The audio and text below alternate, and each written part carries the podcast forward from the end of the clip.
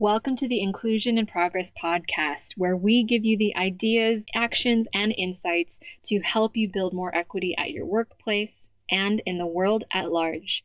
I'm your host, Kay Fabella, international expert on diversity, equity, and inclusion, a Filipino American living in Spain, and your guide in navigating this DEI journey.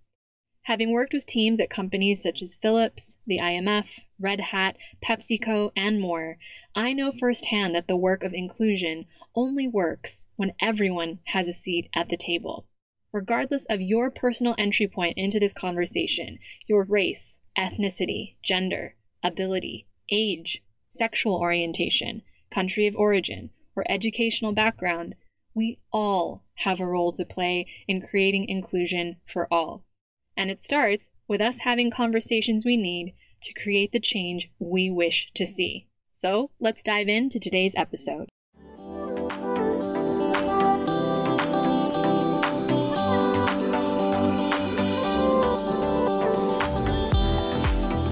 On this episode of Inclusion in Progress, we're pleased to welcome Sindhu Thomas George of Shakti Training. Sindhu is an award winning tenured professor of communication studies at the College of Lake County in Chicago, specializing in intercultural communication. Additionally, Sindhu is the founder and principal trainer of Shakti Diversity and Equity Training, a diversity and inclusion consulting firm.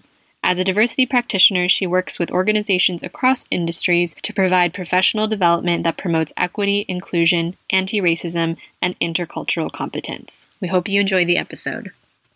Hi, Sindhu. Welcome to the show. Hi, thanks for having me. I'm so excited to have you on, and I thank you so much for sharing your time with me and my listeners today. It's so wonderful to be able to connect with you, and I know we've had conversations before this, but I really wanted to highlight uh, your expertise on the show. So I really appreciate you being here. Yeah, no problem. Thanks for having me. It's an honor. Of course. So I know you and I have obviously connected um, as people who are very active in the DEI space, and I especially loved the fact that you came and you are still very active within academia. And I'd really love to hear how you got into the field of diversity, equity, and inclusion, and just kind of walk us through your journey. Yeah. So I was in graduate school when I started doing this work. Actually, I was studying intercultural communication, and my mentor actually really kind of opened my eyes to the possibilities of what you could do with an intercultural communication degree. I was also being groomed to teach in higher education, and at the same time, I was experiencing a little bit of the DEI consulting world. And so my first opportunity was within an organization in San Francisco, California called Community Boards. And I was volunteering there there and they knew what I was studying, so they needed a cultural competency training. And so I put together a training on the intersections of culture and conflict to mediators. So community boards as a mediation service, lots of lawyers or people who are just interested in conflict resolution. Uh, but San Francisco is a very diverse population, and so they were having some issues with cultural issues and not understanding people because of the differences in backgrounds and cultures. And so that was a really great kind of leap into that world and it also helped me to understand that i could create and affect change uh, more immediately than teaching in the classroom. And so that was the beginnings of my training. And then I just kind of took it from there. I did uh, some work in San Francisco before I moved to Chicago for my tenured position where I teach right now. And so I've kind of continued it. I've always done teaching and uh, training simultaneously. And when I first started, it was a lot of white people who were doing this work, right? A lot of white people, especially in the anti racism world. I was following a lot of scholars like Peggy McIntosh and Francie Kendall and Paul Gorski and Gary Howard and even Tim Wise and listening to them speak. And I was really inspired by their ability to connect with audiences and talk about whiteness and dismantling racism. But I noticed that it was very white. And I think uh, I wanted to kind of add my voice as well as someone who's experienced some of unfortunate racism and xenophobia to the conversation. And, you know, luckily now today we see a, a much more diversification of people doing DI work, specifically anti racism work but it's definitely kind of changed since I started. Yeah, definitely. And and I love that you touched on that because I think it's really important for us to remember that the conversation in academia and obviously anti-racism is very much a quote unquote buzzword now. It's much more prevalent, it's much more present in our conversations within the DEI space. But a lot mm-hmm. of these mm-hmm. conversations, as you've rightfully said, have been happening in academia for a very long time. And I love that you touched on the fact that, course, the people in the room, even in academia for a long time, weren't as representative of the folks who now we're grateful are continuing to lead and spearhead DEI work even in more so now. But sure. I really love that you touched on that. And I'm curious yeah. if you're open to it, if you want to touch a little bit on what that experience was like for you, going from I want to add my voice to the space to kind of taking on that role as a leader, as somebody who is a woman of color, who is a daughter of immigrant, and how you felt like you could add your voice to the conversation if you want to dive into that. Yeah, I actually started this work. I think it would be helpful to kind of give context why I was drawn into cultural communication, diversity, inclusion, anti-racism work is from my own experiences, right? I grew up in a upper middle class white suburb outside of Chicago. We were the only family of color for years, one of the few families that were immigrant families. And so I experienced my fair share of racism, xenophobia from the young age of five. I also experienced sexism even within my own family because Indian culture is very much, I would would say patriarchal, and unfortunately, I still feel it's somewhat sexist, uh, just like US American culture is. And so I had a lot of personal experiences that I brought to the table, and I really wanted to start that incorporating my voice and my experiences. And that's kind of how i started to be impactful is sharing my own stories. I think we learn a lot from each other. So i brought my own experiences in. It was intimidating. I was very young. I was like 25 or 26 when i started to do trainings within organizations. And when you walk into a room where you don't know people and you have the identities of women of color and young and you're training people who are majority male white and not as young there are definitely power dynamics. There's definitely resistance. And so I experienced that early on. And it was something that I acknowledged and I knew going in, and it made it uncomfortable. But I think that I just kind of pushed through and I was given the opportunity and I did my job and I left. And I think it's important to know how to navigate the difficult and complex conversations that happen around diversity and inclusion. And so I wouldn't want to go into a room of people that I didn't know that were majority white males talking about whiteness on my own. Unfortunately, I've done that and had some negative experiences, but I've learned from them. I think that it, early on in my career, I always kind of felt more comfortable working with someone from the dominant identities, especially in my training roles. So I did work with a white male colleague, a white female colleague, and I found myself kind of needing them, right? In my mind, I was like, oh, I, it was like my band aid. Like I needed protection, right? Because I can speak really well. I know what I'm doing, articulate. I have the latest research. I know how to create and facilitate. But I always felt much more confident when I had a white person with me, right? Because when that resistance came, they were able to speak up and say, hey, and squash it. But I started to have some issues with one of the partners that I was working with. And it really stressed me out because I felt like I needed that. I needed that white person there. And I obviously didn't need that person. And it just took me a little time to stand in my own identity and power and have the courage to have these conversations on my own. So I think, I don't know if I answered your question, but I definitely think that my identities of being, well, when I started a young, but woman of color, daughter of immigrants, definitely played into some of the dynamics, in especially receiving resistance from people who were older than me or who had more dominant identities than I did. Yeah, I appreciate you sharing that. It actually it's it's been an interesting one whenever I receive messages or emails from folks who are starting off on their DEI journey, who have the layered nuances of of grappling with their own identity and this work coming into it. And I really appreciate your honesty going in because I think there's this notion when folks reach out to me and i'm sure the same happens to you they see us and they're like oh you're you're making change. Like how do i get into this? I feel all of this imposter syndrome. Who do i need to get permission from to lead the conversation? And i think mm-hmm. there's an assumption because you and i have been doing this work that oh, because they know they're experts and how could I ever possibly get to that level? I'm like, we deal with this every day. There's a constant evolution of, you know, mm-hmm. do I belong here? Like, what are my own issues of identity and non belonging? Feeling like you're walking into a room where you're only has, like you said, rightly so, certain power dynamics that can contribute to how you feel going into the room, even though you know you're qualified to do the work. I mean, it's an ongoing process, right? Yeah, imposter syndrome is real.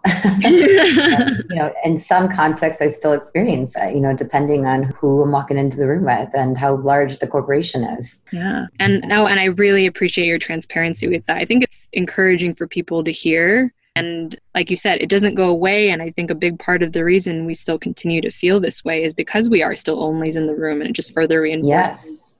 the way, the reason yeah. why we do the work, right? Yeah. And I think, especially for people who identify with being Asian, there's a lot of white and black trainers, right? Mm-hmm. um, and facilitators, but there's not a lot of representation for people who look like you and I. And I think for me, I didn't really have a mentor, I didn't have anyone to look up to, but I always kind of followed the careers of people who I could identify with. And one person is Rinku Sen, who I don't know if you know who she is, but she's really one of the original people uh, who normalized talking about racism and racial justice. And if you don't know her, you should Google her. I think she's kind of uh, stepped down from the space, but she was the executive director of now the organization that's now called Race Forward. And they have a, a bi yearly conference, I would say, that's called Facing Race, which is the most phenomenal experience I've had for any conference. And as an educator, I go to conferences all the time. So even though I didn't know her, I kind of followed her career and she did a lot of what I do today, right? And if it wasn't for seeing somebody speaking out about racism as a South Asian person, I don't know if I would have been so inspired or encouraged to continue through the difficulties and the resistance that I experienced.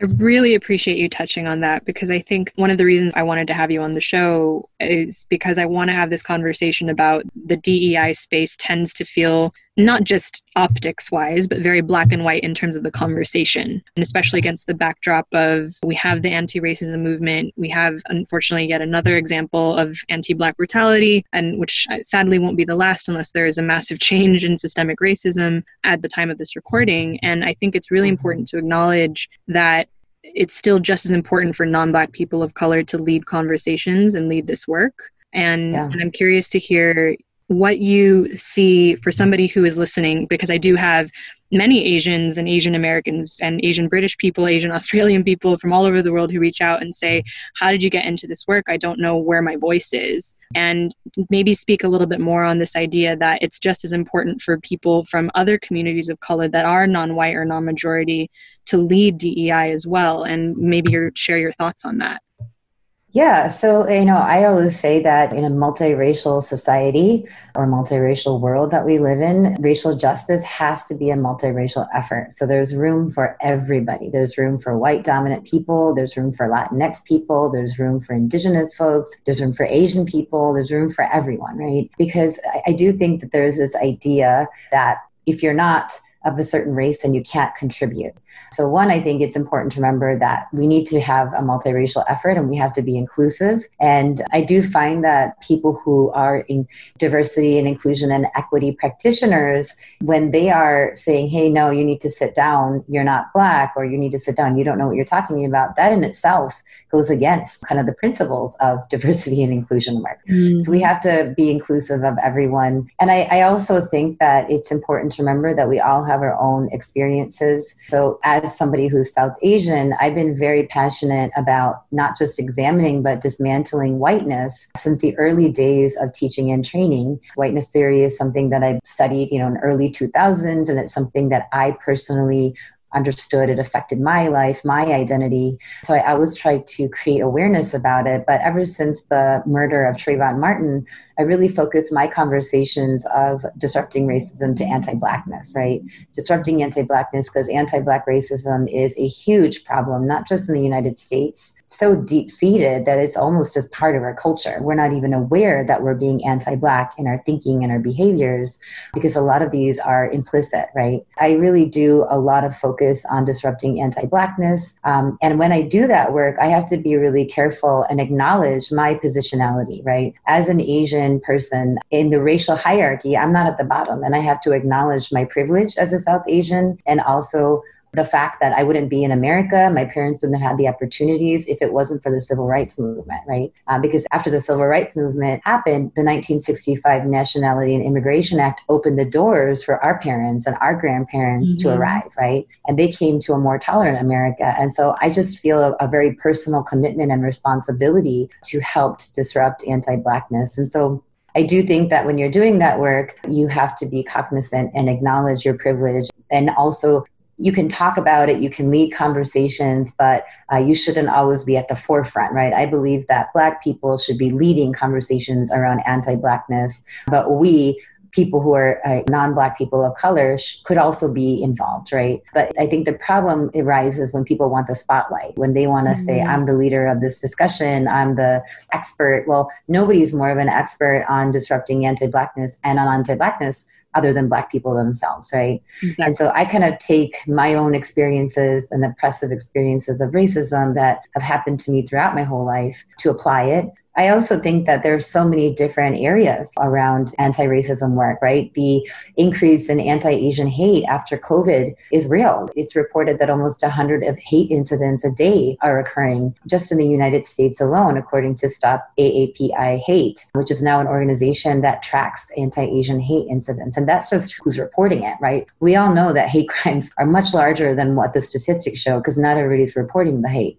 after 9-11 there is a huge need to fight islamophobia right? And so i try to find where i can be an ally best and use my privilege and power to advocate and amplify the voices of people who are being marginalized who are experiencing the racism. So i think that it doesn't matter what race you are you can absolutely work for racial equality and for racial justice. You just have to be clear on establishing your own privilege, right? And stating the positionality and how you enter that conversation from a place of privilege, if that is, in fact, the identity that you have.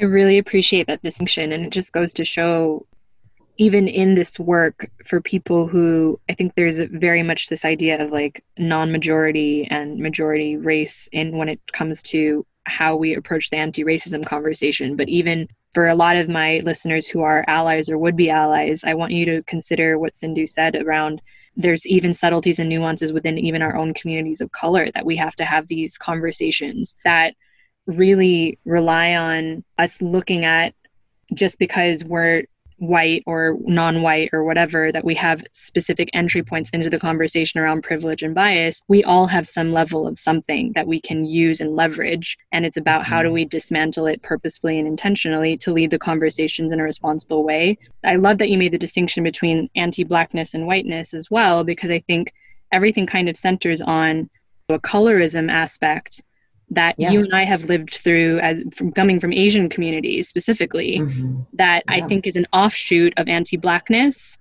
oh, yeah. that is absolutely prevalent within our communities that we have to actively work to dismantle as adults and especially within the DEI space.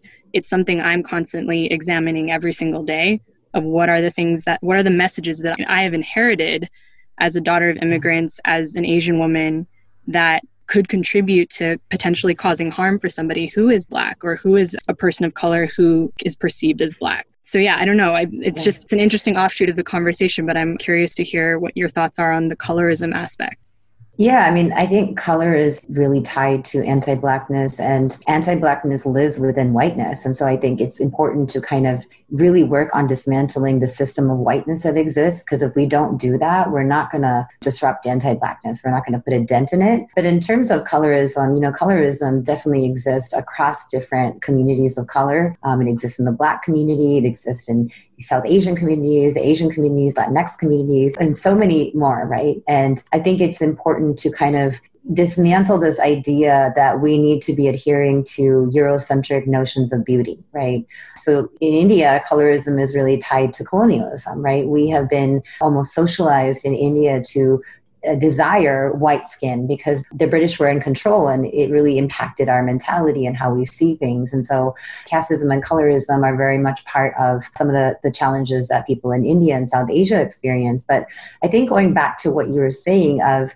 really acknowledging that just because you're a person of color doesn't mean that you don't hold biases. Just because you experience racism or prejudice doesn't mean that you can't also be a perpetuator of racism, prejudice, and oppress other communities. I think it's really important as a person of color to always be thinking about how are you contributing to the systems of anti-black racism of anti-blackness if you're working in the anti-racism space and what can you do to disrupt that what can you do to be an ally and an advocate and an accomplice towards different communities that are more marginalized and minoritized than your own community I love that. It's so important for people to hear on every side of the spectrum, really. But it goes to show you that, like you said, if we're building inclusion, it has to be inclusive across the board because everybody has sure. a role to play.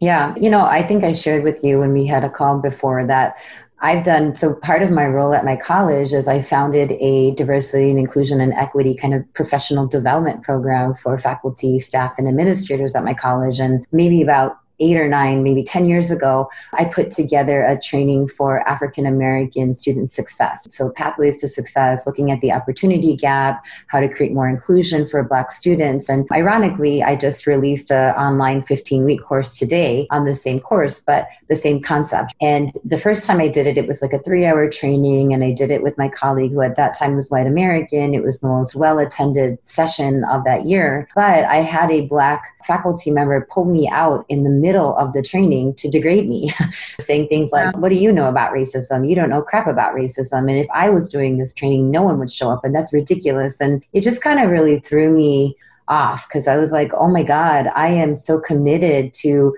disrupting anti-blackness which means in the classroom in our institution and i was working on for the empowerment and inclusion of, of black students but here i am getting cursed out by a black faculty member, right? And so that was a really painful moment for me. And it almost kind of made me never want to talk about any of this again because it was mm-hmm. embarrassing. But I had to go in and finish my training and continue like the professional that you have to be. But it really affected me and it made me really feel like maybe I don't have a space, right? So I've experienced that from Black faculty and people that I've worked alongside. I've also experienced resistance from white faculty.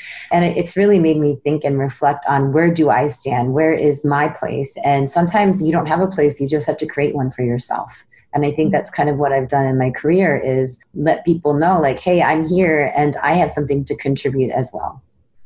Yeah, it's disorienting, right? Because you're grappling with your own identity that is so linked intrinsically into the work that you do, but there's also this space of where do I fit constantly being reminded to you, even though your heart is so in it, your intentions are so in it, your research in this case definitely is so in it. So yeah, I will definitely make sure to, to link to that in the show notes, follow the work that you're doing. Yeah. And I and I just wanted to give an example of like this time around, you know, that was a 3-hour course. This is a 15-week course online for faculty. And so I I went out of my way to make sure that it was inclusive of the voices of black faculty, black administrators, staff and students. And so I'm not saying that I didn't do it the right way the first time because I definitely included black voices, but this time I just didn't include them. I centered them, right? And so when you're a non-black person of color doing work to disrupt anti-blackness, it's so important to center the voices of Black people. Your voice should not be stronger than theirs. So, just a little tip for anyone who is not Black doing this kind of work. Yes, I 100% agree. Anytime that somebody contacts me to lead anti racism conversations, I always ask if I can loop in a facilitator. Actually, yeah. sometimes I even, if their budget doesn't allow them, I just put that person forward instead of myself, especially right now. Yeah.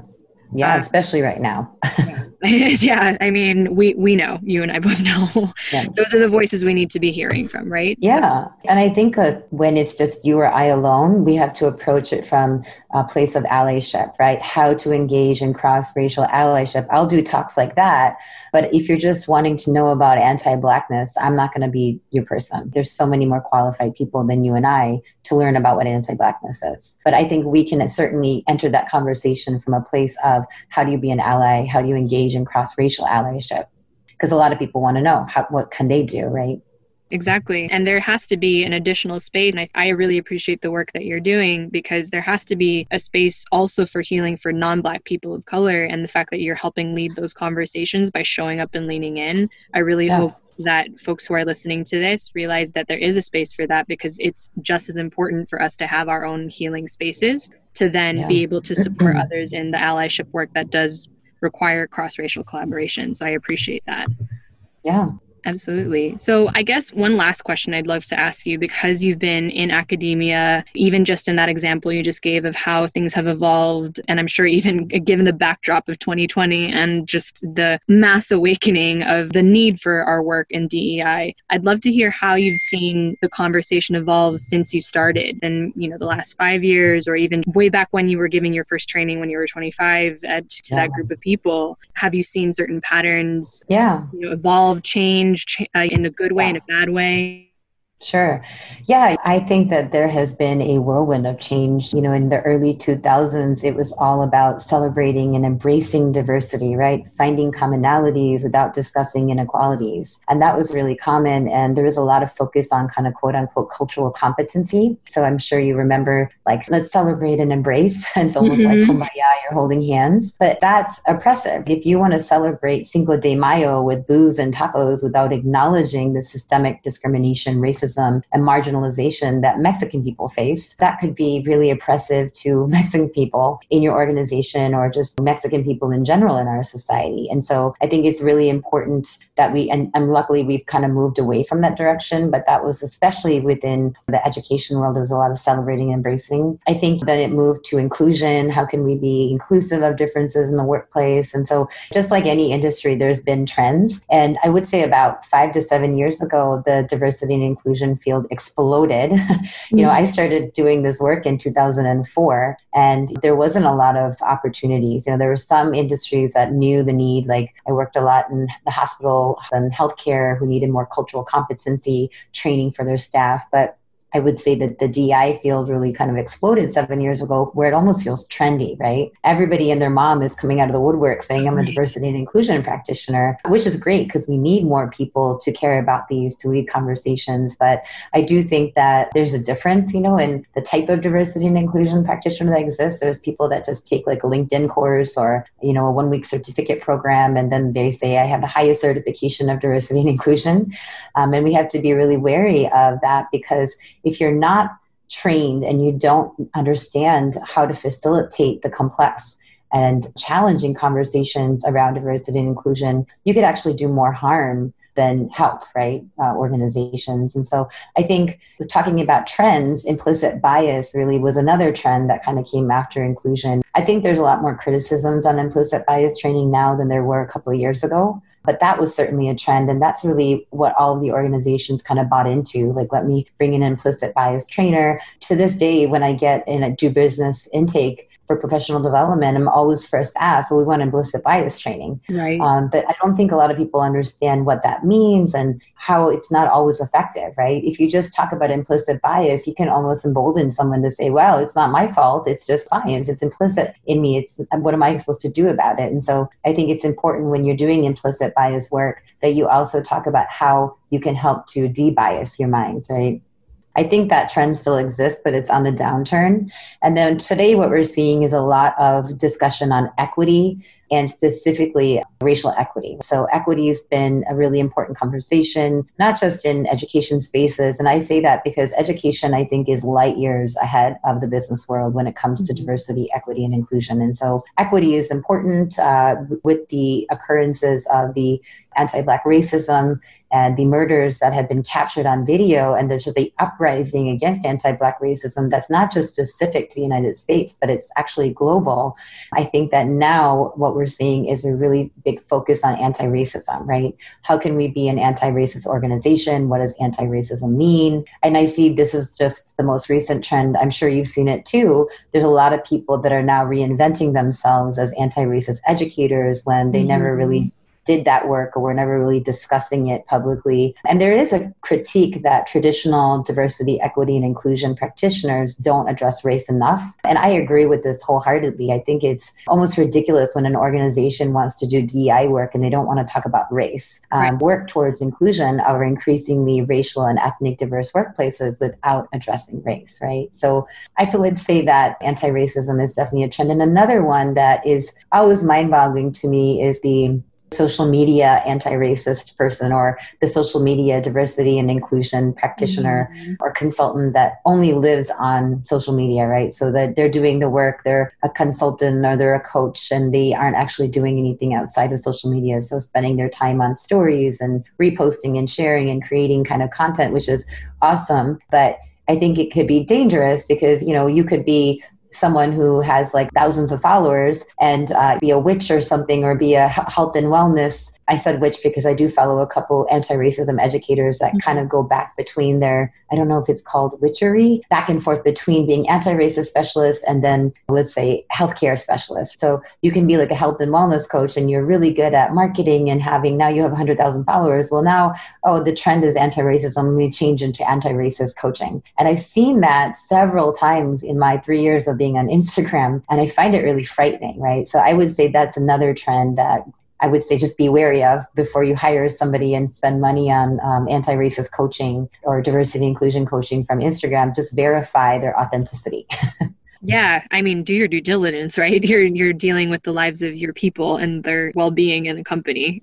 No, I, I really appreciate you walking us through that. It's it's so fascinating, even from obviously I haven't been doing this for as long as you and not nearly to the depth that you have, it sounds like, because you've seen so much. But it's just interesting to see and kind of feel like the same trends that that you've walked through are ones that I'm seeing kind of in waves as well, even on this side of the ocean. Just kind of seeing, you know, how implicit bias and a lot of times I would try to have the race conversation as somebody who is a woman of color and an immigrant, but a lot of companies would be like, "Oh no, we're just focusing on gender." It's really interesting to see how even within DEI, a lot of the conversation is very much stems from the US and kind of gets exported abroad and mm-hmm. so to see how the anti racism movement has kind of accelerated, even I think a hop, skip, and a jump of what you said you were seeing in 2004, which I feel like a lot of countries within Europe and a lot of companies that I'm dealing with currently are still trying to grapple with internally to understand where they are in that conversation. So I appreciate yeah. you walking us through that and hopefully giving us a roadmap for what to do and what not to do moving forward. yeah, um, and I think like because we're a globalized world, right? Business is globalized. There's such a need for this conversation, not just in silos, but worldwide. I just worked with a technology company and they had a global workforce. And so I had to do separate trainings for separate time zones. Some of their team was in Australia and parts of Asia. And it was just fascinating to see some of the conversation with the global team, because it was a US based team, and the struggles and the issues that they were having working in their countries and being kind of the minority within their organization, right? And so diversity and inclusion work, I think, is a global conversation. I think it'll continue to progress more globally as we become increasingly globalized. Yeah. Oh, well, I could talk to you for hours, but I do want to be respectful of your time. So I'd love to wrap up with any reflections that you have for folks who are listening to this who has maybe led it in some capacity or has been inclined to do this work in some way, but hasn't really known how to occupy this space in a way that's helpful and healing for people. What would you say to someone? Yeah, I mean, if you're interested in doing this work and your heart is in the right place and you're passionate, I would say go for it. It's a long journey. You know, I've been on this journey for over 15 years, but um, you got to start somewhere, right? So if you want to be in the DEI space and work as a DEI professional, I think there's room, right? There's so much need for this work. And so don't feel like you don't belong, but make sure that you do your work and you do your homework, right? So lots of self education, reading, following other people who have careers that you want to be in is a great place to start as well so that you could see what the work they're doing. Try to get conversations, ask for informational interviews with people that you're following or that are doing the work so that you can understand how to break into it because it is complex. And obviously, I would go on for 10 minutes if I talked about that. But my suggestion is just reach out to people who are doing this work to get informational interviews and then do the work yourself. And this work is not about us, right? So I think that if you're going into into the DEI space because of monetary reasons, you're in it for the wrong reason, right? Because you really have to be fueled by your own passion, your own interest in order to really be impactful and meaningful and really commit to the hard work that it requires DEI practitioners to commit to. I love that. I appreciate you sharing that. And I guess my last question for you is where can people find you to continue to follow the amazing work that you're doing? Oh, well, you can go to my website for more information about me, and that's shaktitraining.com, S H A K T I training.com. I'm on LinkedIn and I'm also on Instagram under Shakti Diversity and Equity. Amazing. Well, thank you, Sindhu, so much for your time, and I really appreciate you being here and sharing your wisdom with us. Well, thank you so much for having me. It was great to talk with you. Of course. And for those of you who are listening, we really appreciate Sindhu spending her time. And so please also share what you heard that in this conversation most resonated with you, what your favorite insights were. Tag Sindhu or myself on social media, her on Instagram, not me because I'm not really there.